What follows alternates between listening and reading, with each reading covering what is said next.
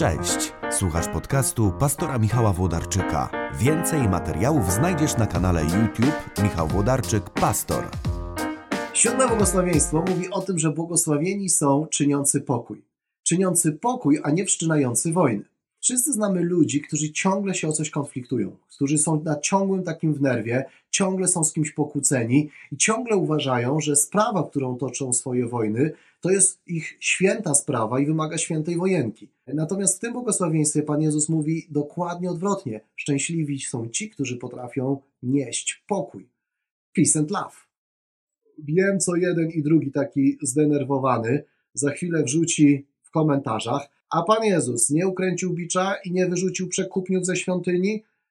W ogóle przekupnie, co to jest za słowo? Nie wiem, czy oni tam kogoś przekupywali, ale to dygresja. Albo, a Pan Jezus, a nie powiedział, że przyszedł przynieść miecz, a nie pokój? Konflikt, a nie zgodę? Oczywiście, wyrzucił, oczywiście, powiedział, ale na kilkadziesiąt historii z życia Pana Jezusa, większość z nich przedstawia go nam również jako tego, który niesie pokój. Więc co chcesz czym usprawiedliwić? Kolejny konflikt, który wszczynasz, kolejną wojenkę, przywoływaniem tych historii?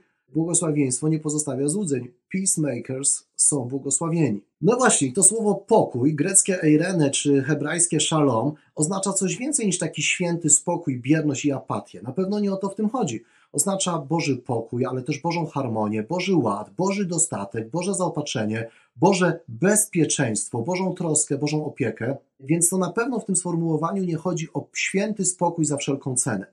Bo w tym szalom czy eirene tym Bożym ładzie nie ma miejsca na cierpienie, na krzywdę, na niesprawiedliwość. Więc na pewno w tym zdaniu błogosławieni są czyniący pokój. Nie chodzi o takie bierne przyglądanie się cierpieniu, jawnej krzywdzie i nic nie powiem i się nie odezwę, żeby nie psuć atmosfery. Nie powiem opresorowi, że, że robi złe rzeczy, no bo błogosławieni są czyniący pokój, więc zaraz w imię takiego świętego spokoju będę zgadzał się na niesprawiedliwość i bezczynnie przyglądał się krzywdzie.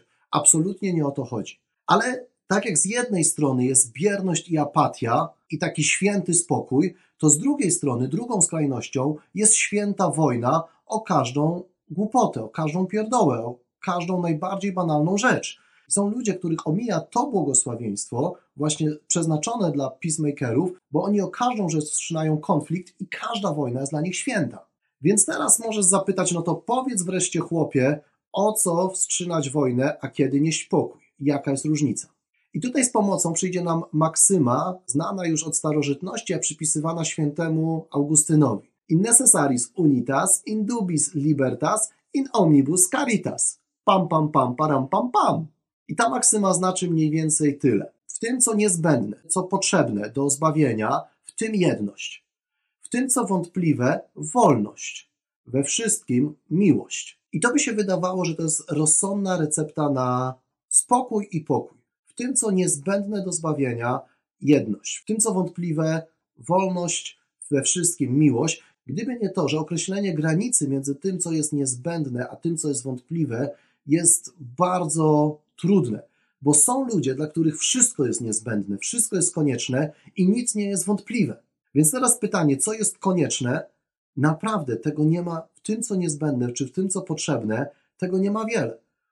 Wydaje mi się, i to, to będzie mocne zdanie, natomiast wydaje mi się, że trzeba być psychopatą, żeby oczekiwać, że inni ludzie ze mną będą zgadzali się we wszystkim.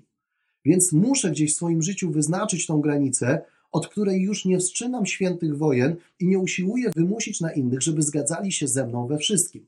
I, i w tym drugim zdaniu Indubis Libertas jest takie założenie, że my nie wiemy wszystkiego. Ono jest bardzo wyraźnie i głośno sformułowane. Są rzeczy wątpliwe. Tak, w chrześcijaństwie są rzeczy wątpliwe. My nie mamy na stołach, na swoich biurkach czerwonych telefonów do Pana Boga i nie żyjemy w świecie pozbawionym wątpliwości. Więc w tym wszystkim, co nie jest wątpliwe, co, co nie jest nie, niezbędne i potrzebne, ale możemy określić jako wątpliwe czy drugorzędne, powinna panować wolność. Dajemy sobie swobodę i przestrzeń do tego, żeby nasze opinie się różniły i żebyśmy, uwaga, to jest bardzo do powiedzenia, nawet nie traktowali pewne nasze racje jako drugorzędne, a żebyśmy pewne nasze racje traktowali jako wątpliwe, co oznacza, że zakładam, że ktoś myślący inaczej, postępujący inaczej może mieć rację. A w najlepszym razie nasze stanowiska w takiej samej mierze są wątpliwe. I wydaje mi się, że już w którymś filmie to mówiłem, to też Augustyna zdanie.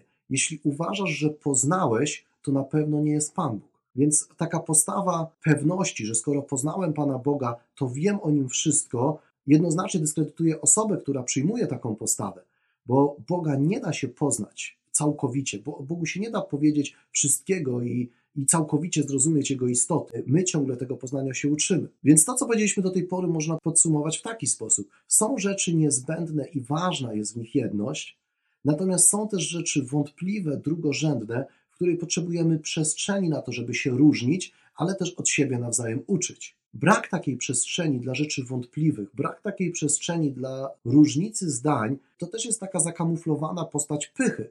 Zakładam, że ja już wiem wszystko, a to oznacza, że od drugiego człowieka niczego się nie mogę nauczyć. No bo skoro ja już wiem wszystko, to ten drugi nie ma mi nic do zaproponowania.